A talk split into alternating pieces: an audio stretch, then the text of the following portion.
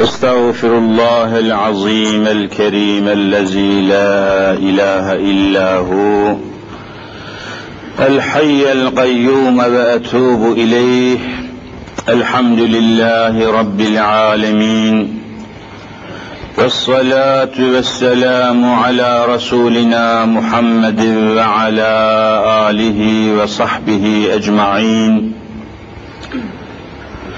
أعوذ بالله من الشيطان الرجيم. بسم الله الرحمن الرحيم. رب اشرح لي صدري ويسر لي أمري واحلل عقدة من لساني يفقه قولي. آمين. بحرمة السيد المرسلين. أما بعد فالأول الله والآخر الله والظاهر الله والباطن الله فمن كان في قلبه الله فمعينه في الدارين الله فمن كان في قلبه غير الله فخصمه في الدارين الله لا إله إلا الله هو الحق الملك المبين محمد رسول الله صادق الوعد الأمين. قال النبي صلى الله تعالى عليه وسلم إن أصدق الحديث كتاب الله وأصدق الهدي هدي محمد صلى الله عليه وسلم. وشر الامور محدثاتها كل بدعه ضلاله وكل ضلاله في النار صدق رسول الله ونطق حبيب الله فيما قال او كما قال Aziz müminler, muhterem Müslümanlar,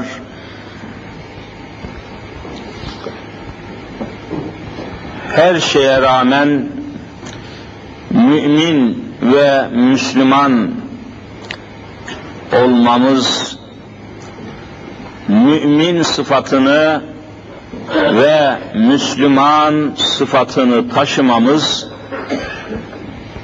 Allahu Azimüşşan'ın bizim üzerimizdeki en büyük ikramı, en büyük ihsanıdır. Bu münasebetle Hazreti Allah'a sonsuz hamdü senalar olsun.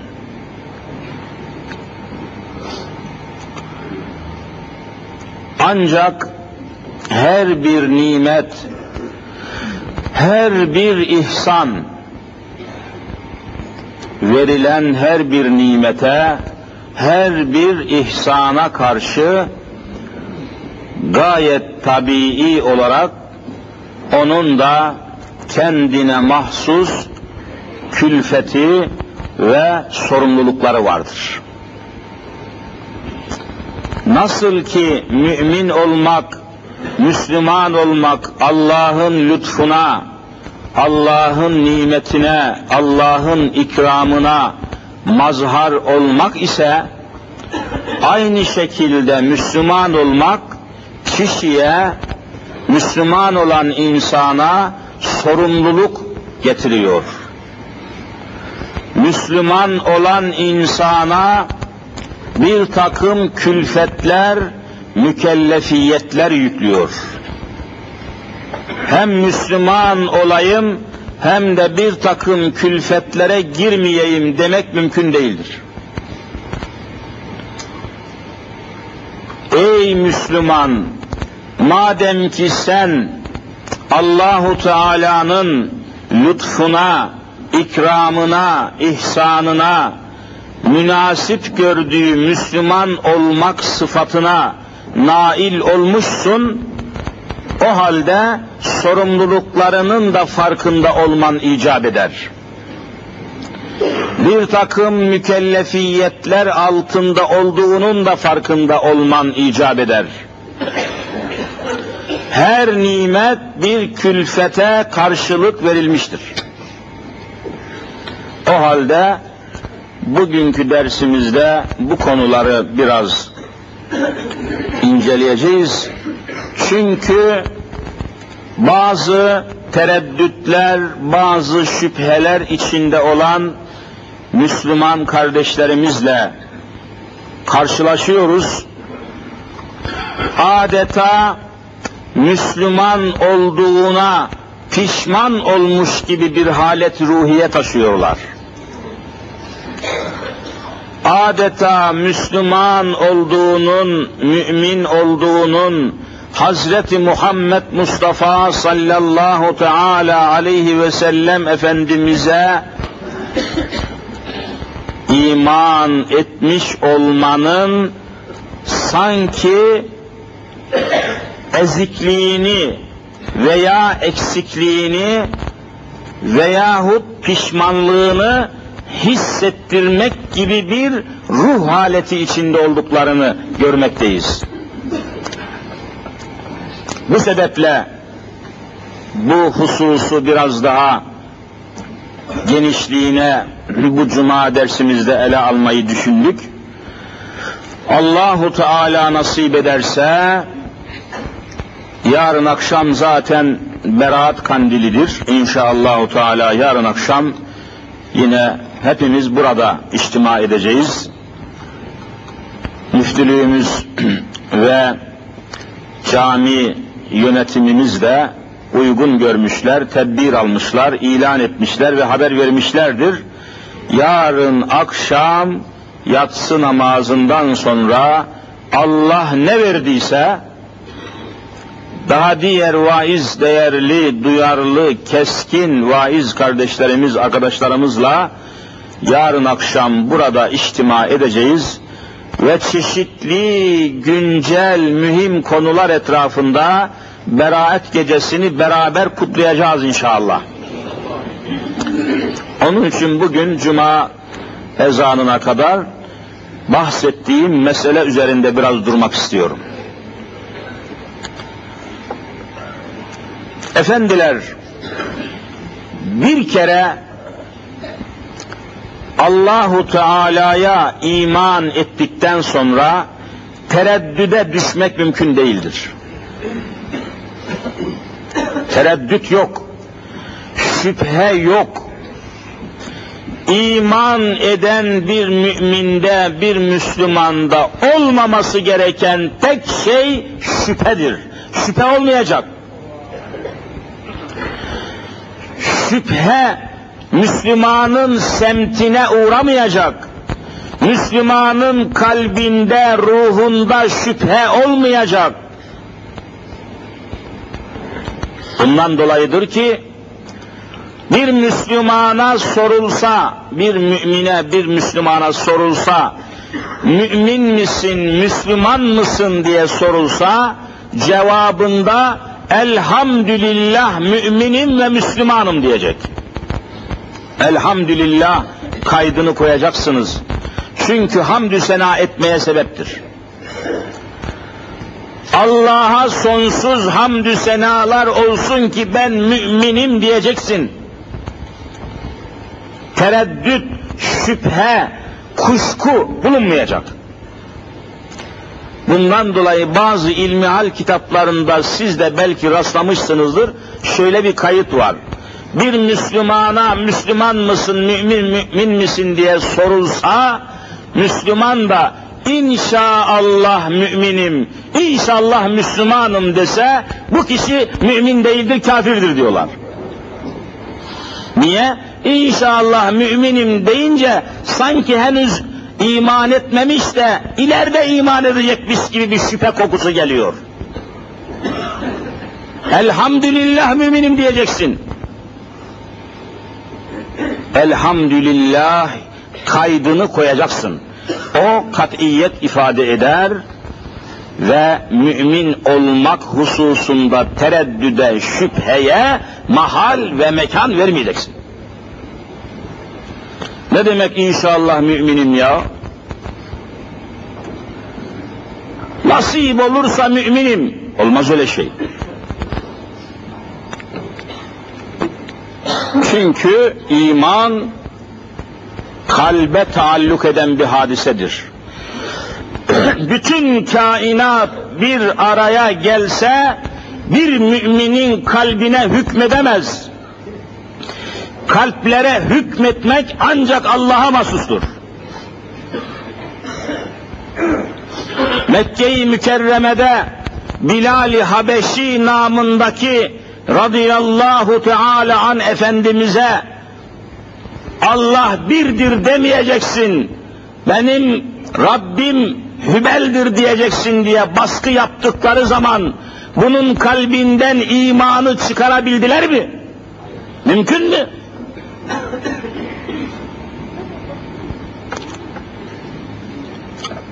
Bazı özel hallerde, bazı sıkıntılı hallerde durum fevkalade hallerde başka bir durum ortaya çıkabilir. Nitekim sahabe-i kiramdan Ammar İbni Yasir radıyallahu teala anhüma hazretlerinin üzerinde tecelli eden bir hadise. Çok sıkıştırdılar. Bu Müslümanı çok sıkıştırdılar. Allah'ı inkar edeceksin dediler.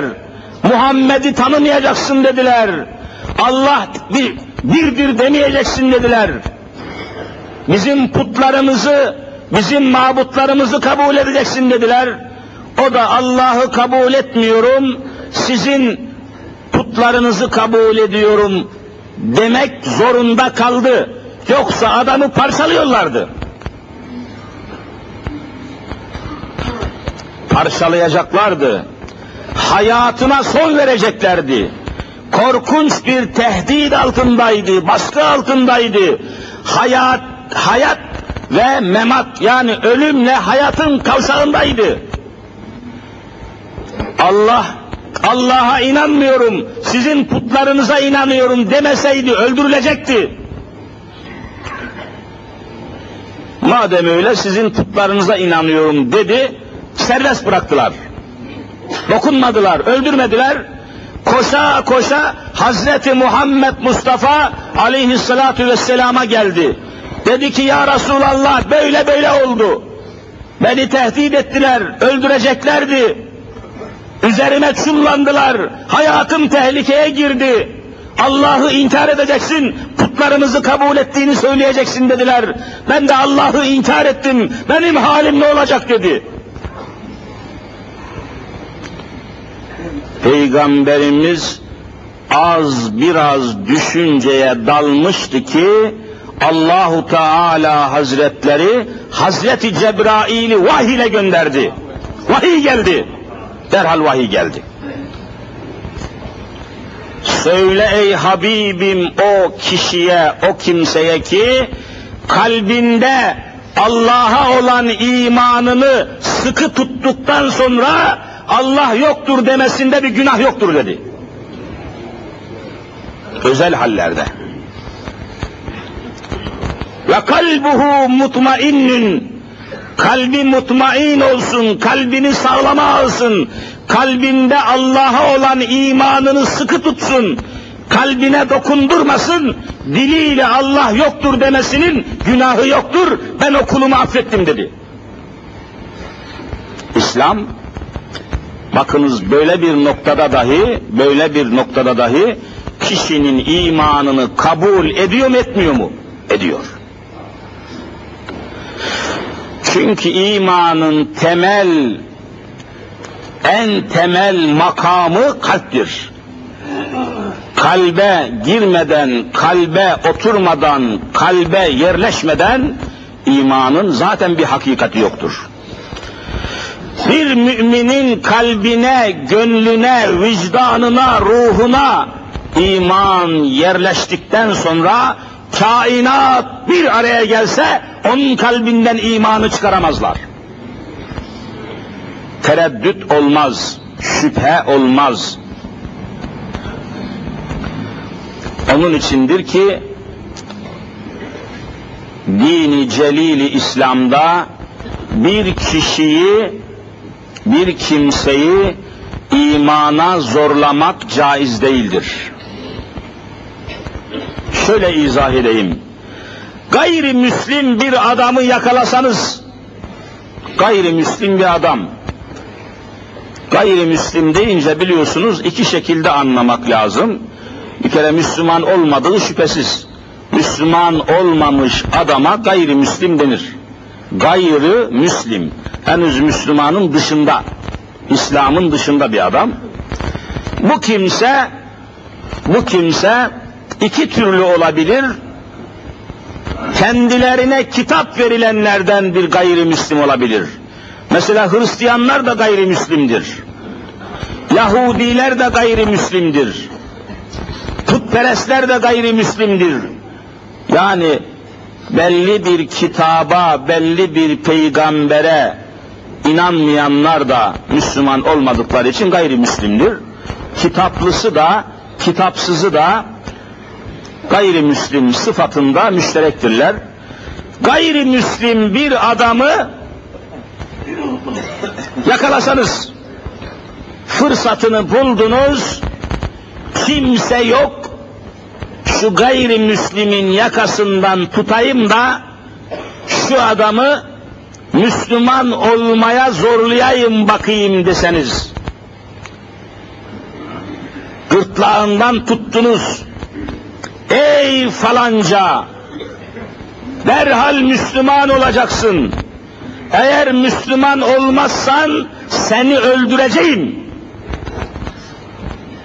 deseniz, seni hayatını ve hürriyetini ortadan kaldıracağım.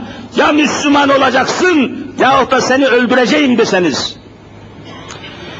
O gayrimüslim kişi de senin korkundan, senin tehdidinden, senin dehşetinden dolayı Müslüman olsa o kişinin Müslümanlığı tartışılırken sen de cehenneme gidersin.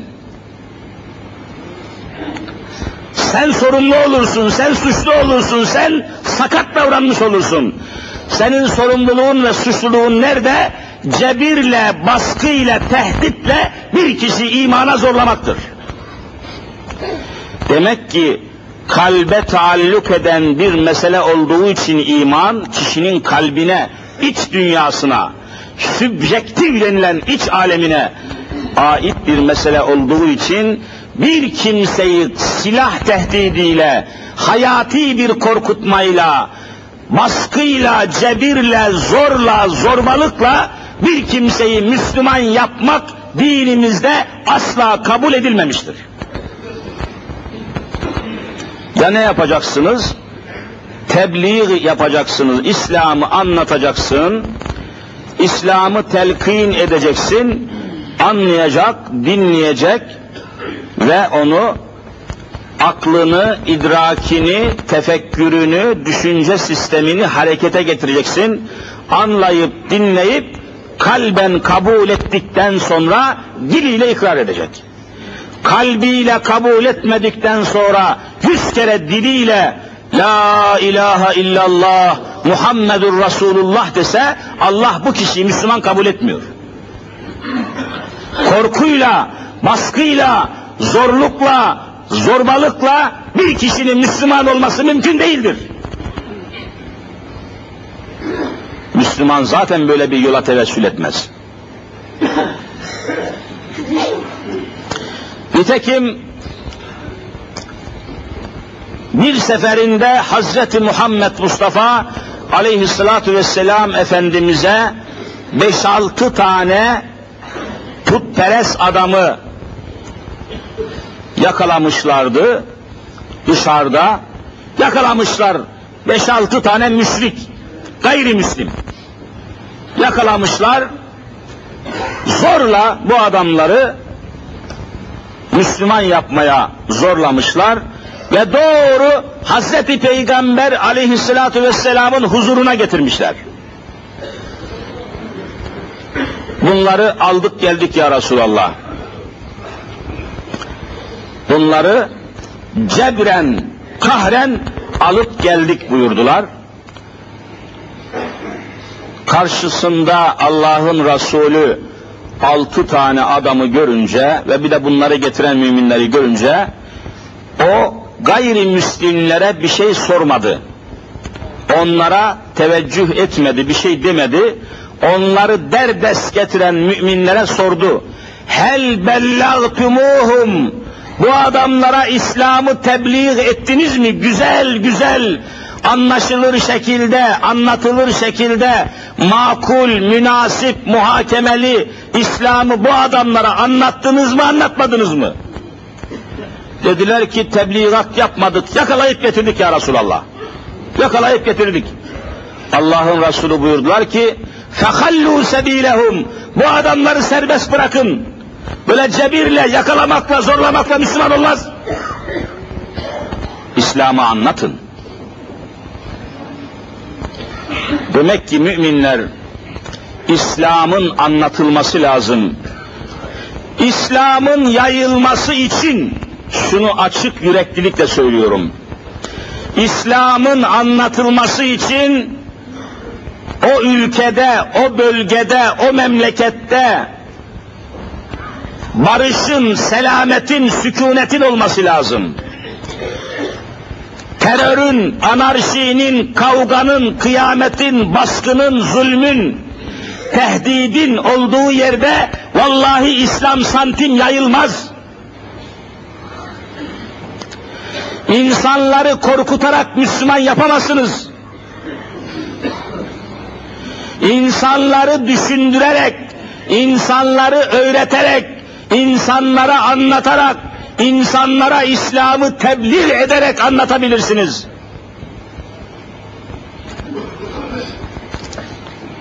Korku, vahşet, dehşet, terör, anarşi, ölüm, zulüm olan yerde İslam bir santim yayılmaz, çoğalmaz, gelişmez. Çünkü hepiniz biliyorsunuz İslam kelimesinin kökü selamdır. Selam. Sin, lam, mim. Selam. İslam buradan geliyor. Selam ne demek Arapça? Türkçesi barış demek. Selam. Selamun aleyküm diyorsunuz. Bakın selam İslam kelimesinin kökü. Kökü selam. Barış demek. Sulh demek, sükunet demek. Demek ki İslam'ın yayılması, duyulması, çoğalması, gelişmesi daima sulhun, barışın, sükunetin, istikrarın olmasını icap ettiriyor. Onun içindir ki müminler, Müslümanlar şunu açık kabul etmek lazım. Nerede İslam yayılıyorsa, duyuluyorsa, çoğalıyorsa, gelişiyorsa, genişliyorsa, Müslüman olanların sayısı, kalitesi artıyorsa, orada gayrimüslimler telaşa kapılmışlardır. Müslüman olmayanlar, kitaplı ve kitapsız kafirler, İslam'ın yayılması karşısında endişeye kapılmışlar ve daima öldürmeyi planlamışlardır. Öldürmek gayrimüslimlerin adetidir. E, Kur'an-ı Kerim bunların hepsini açıklıyor. Geçen derslerimden birinde söylemiştim. Firavun namındaki hükümet başkanı, Firavun, Mısır'daki küfür devletinin başkanı olan Firavun, Hazreti Musa diye bir peygamber gelecek, İslam dinini tebliğ edecek, bütün ülke Müslüman olacak, ülke Müslüman olunca ey Firavun sen de iktidarını kaybedeceksin dediler diye her doğan erkek çocuğu öldürdü mü öldürmedi mi? Bak öldürmek kimin adetiymiş? Kafirlerin. Firavunların adetidir öldürmek. Müslüman kimseyi öldürerek Müslüman yapamaz. Bunları çok iyi anlamak lazım. Müslümanın kitabı Hazreti Kur'an'da insanları inancından, itikadından, dünya görüşünden dolayı öldürmenin adetinin kafirlere ait olduğunu söylüyor. Müslüman kimseyi ayrı düşünüyor, başka düşünüyor, başka konuşuyor diye öldürmeyi tasarlamak değil, aklından geçirmez. Müslümanlık budur. Müslüman İslam dediğimiz, selam dediğimiz dini celili İslam'ın anlatılmasıyla mükelleftir, tebliğatıyla mükelleftir, telkinatıyla mükelleftir. Bütün peygamberler, bütün peygamberler sulhu, selamı, selameti, İslam'ı getirmişlerdir. Ve hepsinin de müşterek bir tavır var. Nedir?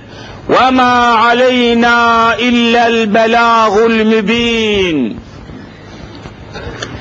Biz peygamberlerin İslam'ı anlatmaktan başka vazifesi yoktur. İslam'ı anlatmaktan başka. Tebliğat. hiçbir insanın kalbine hiçbir peygamberin hükmetme, hakim olma selahiyeti yoktur. Kalplere peygamberler de hakim olamaz. Kalplere, gönüllere ancak Allahu Teala hakim olur. Bunun için hidayet Allah'tandır. Rabbimiz ne buyuruyor? İnneke la tehdi men ehbebte sen kendi ahbabını, sevdiklerini hidayete kavuşturamazsın peygamberim, Muhammed'im. Hiç boşuna yorulma, üzülme, ezilme. Hidayet Allah'tandır. Senin vazifen söylemektir. Bakınız. İslam ne kadar net, İslam ne kadar güzel görüyor musunuz Müslümanlar? Ne kadar güzel. Öldürmeyi düşünmek yoktur akılla, ilimle, gönülle İslam yeryüzünde yayılmıştır. Onun için Peygamberimiz Efendimiz Mekkeli müşriklerin tehdidinden, telaşından, baskısından, zulmünden, hakaretinden bir an evvel kurtulup barış anlaşması imzalayarak o barış döneminde İslam'ın yayılmasını murad etmiş ve hepinizin bildiği gibi Hudeybiye anlaşması imzalamış mı imzalamamış mı? Hudeybiye anlaşması var biliyorsunuz. Hudeybiye musalahası, suhname yani barış anlaşması deniyor. Ve hakikaten o Hudeybiye anlaşmasından sonra kavgalar, kıyametler, hakaretler, zulümler durdurulmuştur ve İslam da o dönemde yayılmış ve bütün Hicaz arazisine inkişaf etmiştir. Onun için İslam'ın yayılması, duyulması, çoğalması, intişarı, inkişafı daima sulhu, sükuneti, barışı icap ettiriyor. Kavgalı olan yerde davalı olan yerde, belalı olan yerde İslam'ı yayamazsınız. Bir kere diyalog kuramazsınız, görüşmeyi sağlayamazsınız, konuşmayı sağlayamazsınız. İnsanlarla konuşa konuşa, görüşe görüşe, gidip gele gele ancak İslam'ı anlatabilirsiniz. Eğer arada münasebetiniz kesikse, kavgalıysanız, davalıysanız, cinayetler, ölümler, tehlikeler, tehditler varsa zaten o mıntıkaya giremezsiniz. O mıntıkaya giremeyince İslam'ı götüremezsiniz. Gaye insanların Müslüman olmasıdır. Yine hepimizin bildiği aynı mana ve maksat için söylenmesi gereken bir hadiseyi daha söyleyeyim. Hepiniz biliyorsunuz. Mekke'de İslam'ı anlatmak zorlaşınca çok zorlaştı. Bir ara İslam'ı anlatmak çok zorlaştı. Mekke'de İslam'ı anlatmak zorlaştı diye peygamber olduğu yerde kalacak değildir. Ne yaptı peygamberimiz? Mekke-i Mükerreme'ye 80 kilometre mesafede bulunan Taif şehrine gitti mi gitmedi mi? Gitti. Taif. Biliyorsunuz. Taif'e gitti. Orada ileri gelenlerle görüştü. İslam'ı anlatmanın çaresine bakıyor peygamber. Ne yapsın? Hidayet Allah'tan tabi başkasından değil oranın aşiret reisleriyle, kabile reisleriyle, ileri gelenleriyle, eşrafıyla, oranın mühim adamlarıyla bir toplantı yaptı Hazreti Muhammed Mustafa. Allahümme salli ala seyyidina Muhammed. Ve İslam'ı onlara teklif etti. Ve İslam'ı onlara tebliğ etti, anlattı, Müslüman olmalarını istedi. Adamlar Müslüman olmak istemediler. Biz Müslüman olmak istemiyoruz, böyle şey olmaz dediler. Kabul etmedi, olur. Olur ya, kabul etmediler. Resulullah buyurdular ki, öyleyse benim Taif'e geldiğimi, sizlerle görüştüğümü, sizlerle toplantı yaptığımı lütfen kimseye söylemeyin. Ben buradan çekip gideyim buyurdular. Fakat bu ileri gelenler, bu büyük başlar, bu aşiret reisleri sözlerinde durmadılar, hainlik ettiler. Biliyorsunuz ne kadar katil, eşkıya, vurguncu, soyguncu, yalancı, ayak takımı varsa hepsini topladılar, haber verdiler. Taif'in çıkışında yolun her iki tarafına çift birer sıra adamları sıraladılar, eteklerine taşları doldurdular, Hazreti Muhammed Mustafa'yı taşlattılar. Bunları biliyorsunuz. Allah benim Taif'e geldiğimi, sizlerle görüştüğümü, sizlerle toplantı yaptığımı lütfen kimseye söylemeyin. Ben buradan çekip gideyim buyurdular. Fakat bu ileri gelenler, bu büyük başlar, bu aşiret reisleri sözlerinde durmadılar, hainlik ettiler biliyorsunuz. Ne kadar katil, eşkıya, vurguncu, soyguncu, yalancı, ayak takımı varsa hepsini topladılar, haber verdiler. Taif'in çıkışında yolun her iki tarafına çift birer sıra adamları sıraladılar, eteklerine taşları doldurdular, Hazreti Muhammed Mustafa'yı taşlattılar. Bunları biliyorsunuz. Allah'ın Resulünü öyle taşladılar, öyle taş yağmuruna tuttular ki Hazreti Zeyd diyor ki vallahi Resulullah'ın diz kapaklarından ayaklarına kadar bütün bacakları soyuldu diyor. Kan haline geldi. Ve o haldeyken Taif'in dışına çıktılar biliyorsunuz. Derhal Allahu Teala Hazreti Cibril'i Cebrail aleyhisselamı gönderdi. Git Habibime selam söyle. Cenab-ı Hak biliyor ama imtihandır ama minnettir. Hadise böyle cereyan ediyor. Eğer isterse arzu ederse kendisini taşlayan bu Taif denen şehrin altını üstüne getirerek tarihten ve coğrafyadan bu şehri kaldırayım cezalandırayım dediği zaman Resul-i Zişan Ahmedu Mahmudu Muhammed Mustafa sallallahu teala aleyhi ve sellem biliyorsunuz buyurdular ki hayır. Vallahi böyle bir arzuda değilim. Oranın altının üstüne gelmesini de istemiyorum. Zira belki şimdi bir kabiliyet yok orada ama 70 nesil sonra, 70 batım sonra oradan Allah'a iman eden bir nesil türeyebilir, onun hürmetine oranın yıkılmasını istemiyorum buyurdular. 70 nesil sonra oradan bir Müslüman çıkabilir. Onun hürmetine bir Müslüman çıkabileceğine göre oranın yıkılmasını, oranın altının üstüne gelmesini arzu etmiyorum diye Peygamber-i Zişan, Peygamberi ahir zaman arzularını ve gayelerini ortaya koydular. Çünkü oranın alt üst olmasının bir manası yok ki. İnsanlar ölünce iman etmiş olamaz ki. İman etmek hayatta olan insanların vazifesidir. Öldükten sonra zaten istese iman edemez. Onun için ölünceye kadar Peygamberimiz Efendimiz öz amcası Ebu Talib'in peşini bırakmamıştır. Ölünceye kadar. Avcı gibi gözlemiş Allah'ın Resulü. Avcı, avcı. Nasıl ki avcı avını gözlüyor, O da amcası Ebu Talip ha bugün Müslüman olacak, ha yarın, ha sabah, ha akşam vallahi gözlemiş. Peşini bırakmamış. En son ölüm döşeğine uzanmış Ebu Talip. Yaşlı, aksakallı bir ihtiyar. Öldü ölecek. Ecel gelip gidiyor. Hırıltı boğazında başladı yükselmeye.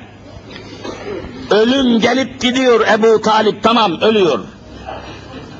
Allah'ın Resulü o sırada o esnada bile amcasının başucunda oturuyor. Hala iman eder diye bekliyor, hala Müslüman olur diye bekliyor. Hiç bırakmak yok peşini. Ama ne çare, hidayet Allah'tandır dedim demin. Ebu Talip ölümle pençeleşiyor. Yanı başında Ebu Cehil var, yanı başında daha diğer ileri gelen müşrikler var, oturuyorlar. Peygamberimiz de orada. Eğildi, amcasının kulağına yaklaştı, yaklaştı Resulullah. Buyurdu ki, ey ya ammi, ey benim biricik amcam. Ki peygambere biliyorsun çok yardım etti. Çok himaye etti, çok destek gösterdi, çok kuvvet verdi kulağına eğildi. Ey benim amcam, canım amcam. Biraz sonra dünyaya veda edip ebedi aleme intikal edeceksin. Gel, kul la ilahe illallah. De ki Allah'tan başka ilah yok. Muhammedur Resulullah. Muhammed Allah'ın son peygamberidir. De kelime-i tevhidi söyle, iman et, Müslüman ol ki yarın mahşer günü sana şefaat edebileyim. Mahşerde sana sahip çıkayım. Gel iman et, Müslüman ol. O dakikada bile kulağına eğmiş bunu söylüyor. Ebu Talip şöyle canlandı, birdenbire belirgin bir çehre kazandı bir Ebu Cehil'in yüzüne baktı, bir Ebu Leheb'in yüzüne baktı, bir ona baktı, bir öbürüne baktı, bir de peygamberimize baktı. Dedi ki Muhammed'im seni çok severim dedi biliyorsun. Ama şu esnada Ebu Talip ölümden korktu da Müslüman oldu demesinler diye Müslüman olmayacağım kusura bakma dedi. Son anda yani. Adamın gururu, gurur yani. Ölümden korktu da iman etti. Vay be ne zayıf adammış demesinler diyor. E, hidayet Allah'tandır ne yapalım? Ve mümin ve Müslüman olmak lezzetine ve izzetine kavuşamadan öldü gitti adam. Peygamberin yapacağı bir şey yoktur. Hiçbir şey yoktur. Ve ma aleyna illel belagul mübin. Son ana kadar, ölüm anına, dakikasına kadar kulağına kul la ilahe illallah, kul la, la ilahe illallah söyle demekten başka öteye bir şey yapamaz. Baskı yapamaz, cebir yapamaz, zorlayamaz, öldüremez. Hiçbir şey yapamaz. Peygamberin yapacağı budur. E, mü, müminlerin de tavrı budur. Müminlerin ve Müslümanların tutumu, tavrı peygamber ikinden başkası olamaz ki. Onun için müminler dikkatli olmak zorundayız. Vallahi ve billahi bakınız komünizmin çöküşünden sonra dünya insanları barışa, adalete, sulha, sükuna susamışlardır. Akın akın Müslüman olmaya koşuyorlar. Bütün dünya Müslüman olmanın şafağını bekliyor, iman etmenin izzetini bekliyor. Bunun karşısında kitaplı veya kitapsız kafirler telaşa kapıldılar. Müslümanların aleyhine tuzaklar, hileler, tertipler, dümenler, her türlü musibetleri planlıyorlar. Çünkü yeryüzünde bugünkü kadar insanlar bu kadar İslam'a muhtaç olmuş değildi. Her zaman muhtaç ama bugün daha çok muhtaç insanlar. Hristiyanlık insanları sulha ve sükuna götüremiyor. İşte Bosna Hersek'te Sırplar resmen Hristiyan. Sırplar. Hem de Hristiyanlığın Ortodoks mezhebine sahip koyu bir Hristiyan millet. Ama bakın Bu Hristiyan sırtlar, görüyorsunuz dünyada benzeri görülmemiş, benzeri işitilmemiş vahşeti ve korkunç cinayetleri işliyorlar mı, işlemiyorlar mı? İşliyorlar. İşte Hristiyanlık bu işte. Hristiyanlık, bugün Hristiyanız diyenler insanlığa saadeti götüremiyorlar. Hristiyanlık dini insanları barışa götüremiyor. Hristiyanlık dini insanları birbirine kardeş yapamıyor. Hristiyanlık dini kendisi gibi inanmayanları öldürüyor. Kendisinden başkasına tahammül edemiyor. Müslüman böyle olamaz. Hatta biliyorsunuz geçenlerde papalık malumunuz olduğu üzere papalık diye bir şey var. Papa, papa. İtalya'da, Roma'da Vatikan diye bir yer var. Vatikan, din devleti. Din Vatikan devleti diye bir devlet var. Bu devletin başı Papa. Papa ikinci Jean Paul. Papa oturuyor. Bu Papa biliyorsunuz 316 sene evvel işlenmiş bir cinayeti 316 sene evvel Allah Allah 316 sene evvel işlenmiş bir cinayeti ve o cinayette öldürülen bir alimi, bir bilgini gökyüzüyle alakalı ilmi çalışmalar yapan bir alimi, bir ilim adamını o zaman haksız yere öldürmüşler, ölüme mahkum etmişlerdi. 316 sene sonra onun beraat kararını çıkarttılar. Af kararı. Haksızlık ettiklerini ve haksız yere öldürdüklerini 316 sene sonra itiraf ettiler. Bunu Papa resmen açıkladı biliyorsunuz. Neydi bu hadise? Galile isminde yaşlı bir ilim adamı Galile. İtalyan asıllı bir alim o da. Galileo Galile diye bir adam.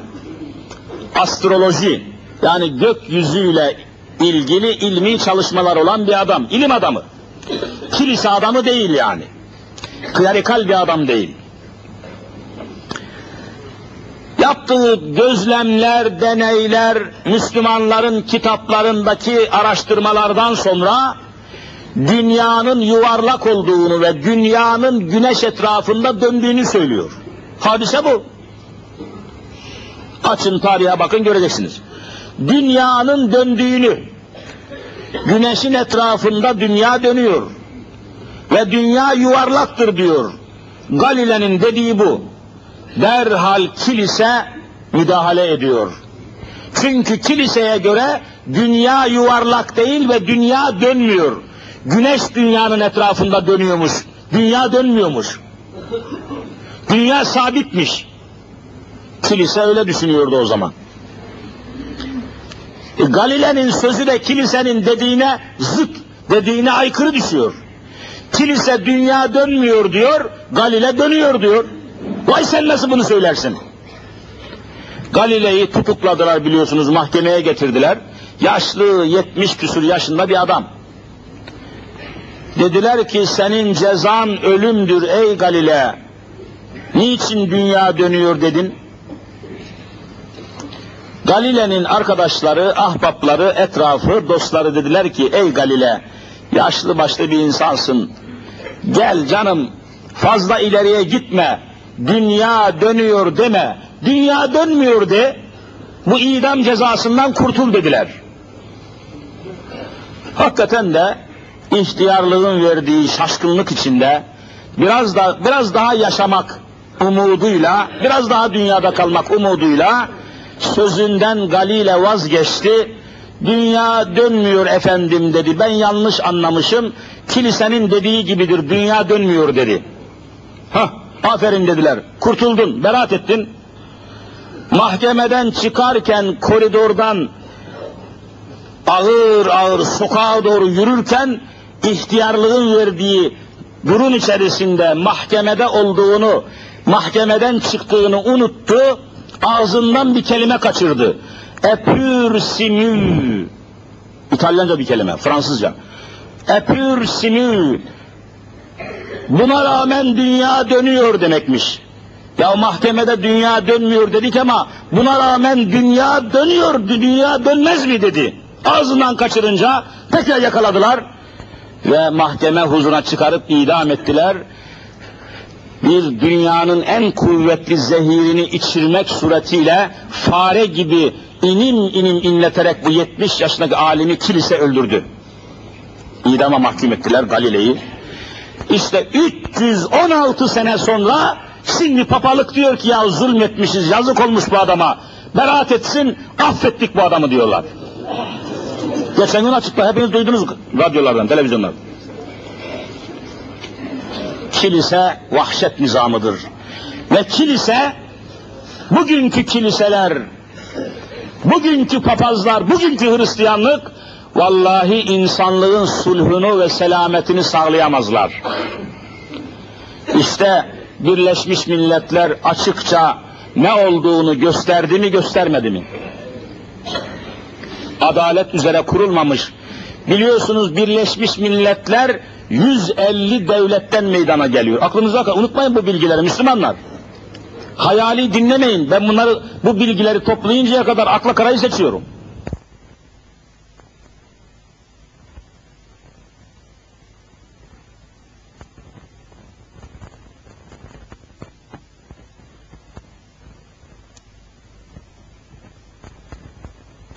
Çıkıyor.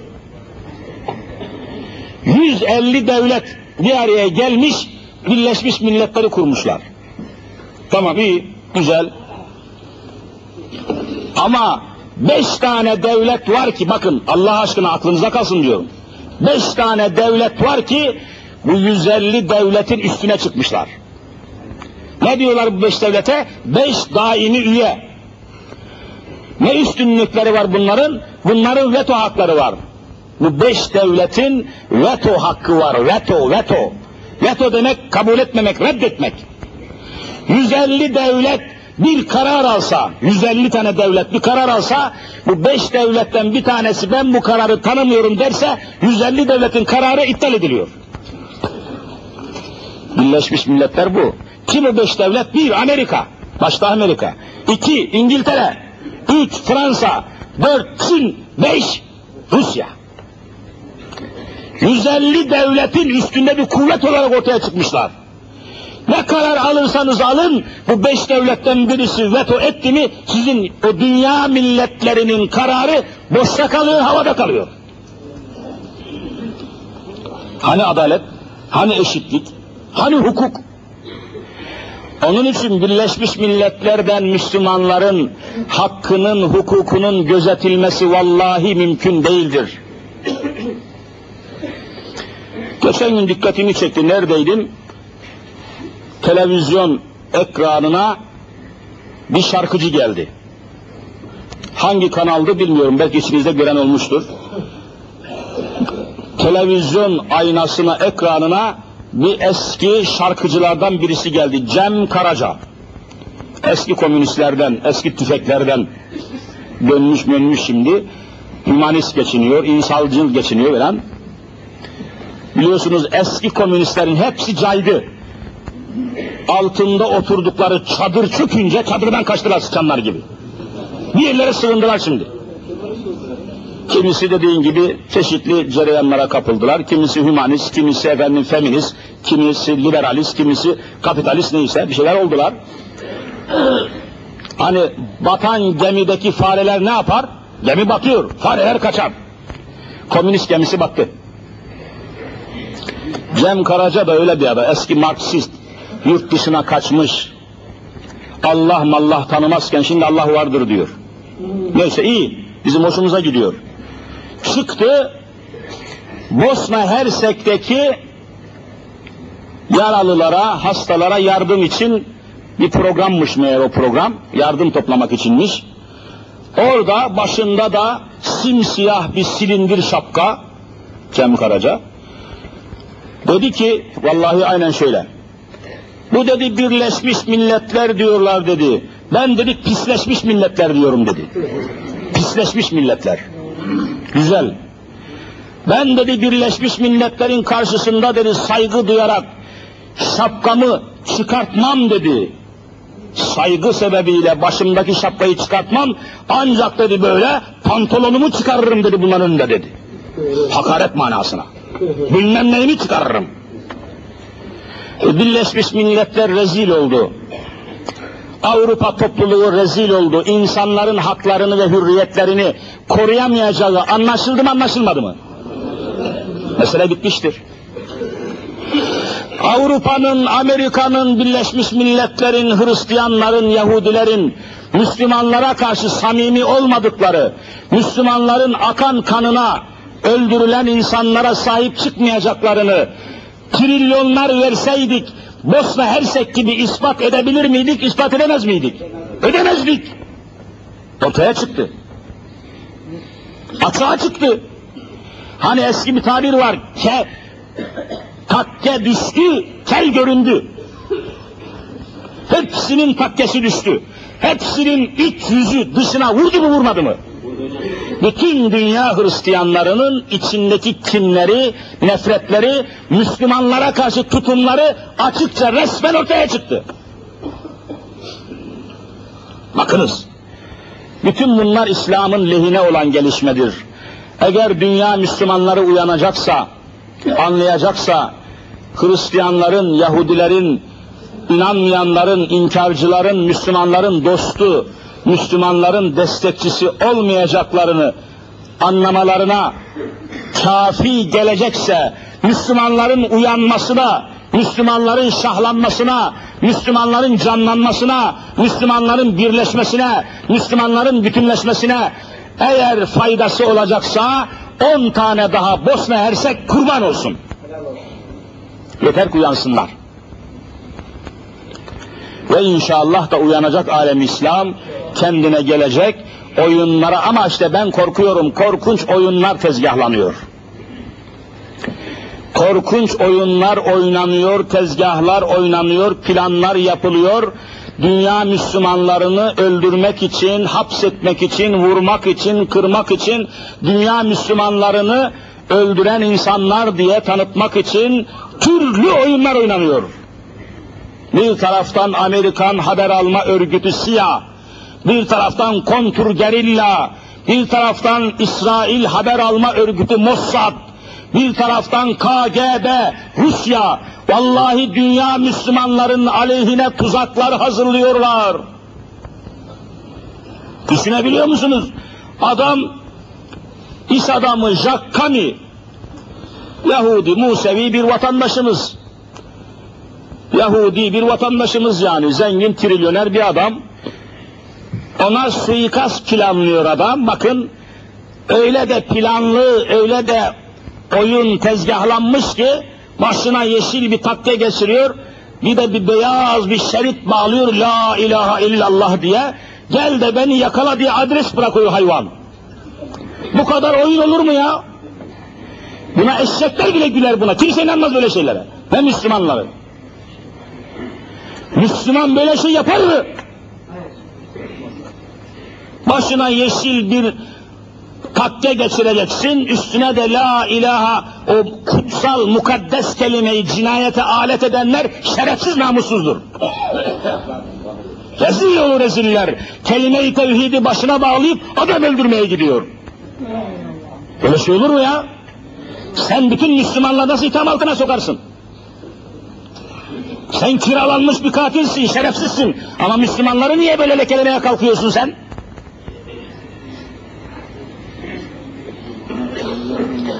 Müslümanlara niye saldırtıyorsun onu bunu?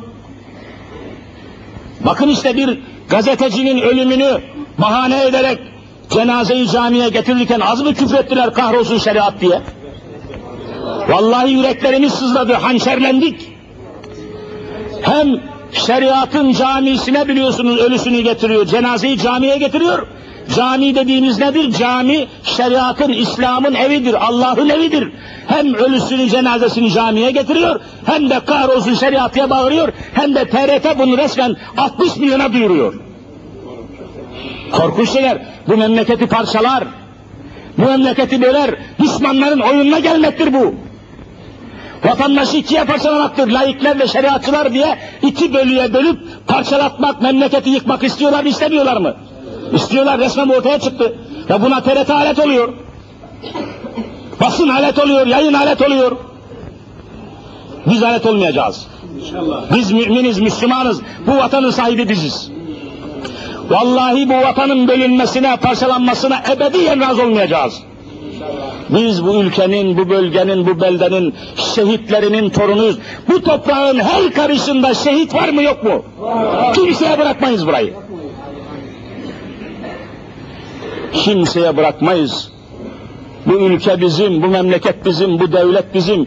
Biz devletin aleyhinde değiliz, devletin düşmanı değiliz. Biz devletin İslam devleti olmasını istiyor muyuz, istemiyor muyuz? İstiyoruz, hadise budur. Devleti ben niye yıkayım, devletle niye uğraşayım, devletin aleyhinde niçin bulunayım? Deli miyim ben? Devletsiz bir topluluk olur mu? Devlet yıkılırsa hepimiz yıkılırız. Memleket toptan yıkılır. Geçen cuma söyledim size. Her tarafımızı düşman işgal etmiş. Yunanistan vallahi vurmayı bekliyor. Suriye saldırmayı bekliyor. Bulgaristan saldırmayı bekliyor. Rusya saldırmayı, Ermenistan saldırmayı bekliyor.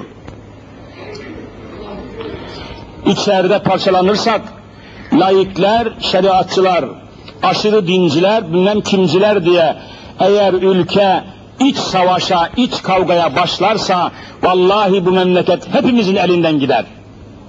Buna meydan vermemeliyiz. Buna imkan vermemeliyiz. Bu gafleti, bu cehaleti, bu dalaleti, bu hıyaneti odadan kaldırmalıyız. Müslümanlar bölünmemeli, parçalanmamalıdır. Müslümanın kitabında cinayet yoktur.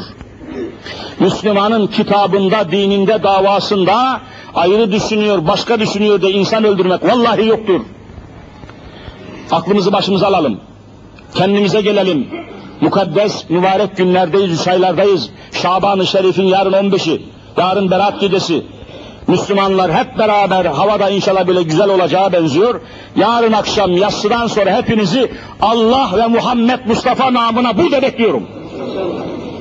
Yarın yatsıdan sonra inşallah burada Naim Karaman Hoca Efendi, Ahmet Vanlı Hoca Efendi, ve ben fakir kardeşiniz, daha birçok arkadaşlarımız, hafızlar, Kur'an ehli, vaaz nasihat burada yapacağız ve gece yarısına kadar burada inşallah inim inim inleyeceğiz inşallah. Ve hepinizi buraya davet ediyorum. Yarın bu yatsıyı mütakip burada toplaşalım.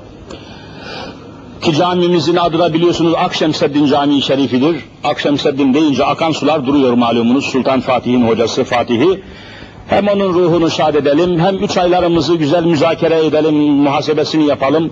Hem beraat gecesini beraberce kutlayalım, hem günahlarımızı, isyanlarımızı bir gözden geçirelim. Murakabe edelim, muhakeme edelim, muhasebe edelim. Bir hesaplaşalım nefsimizle, isyanımız, günahımızla hesaplaşalım.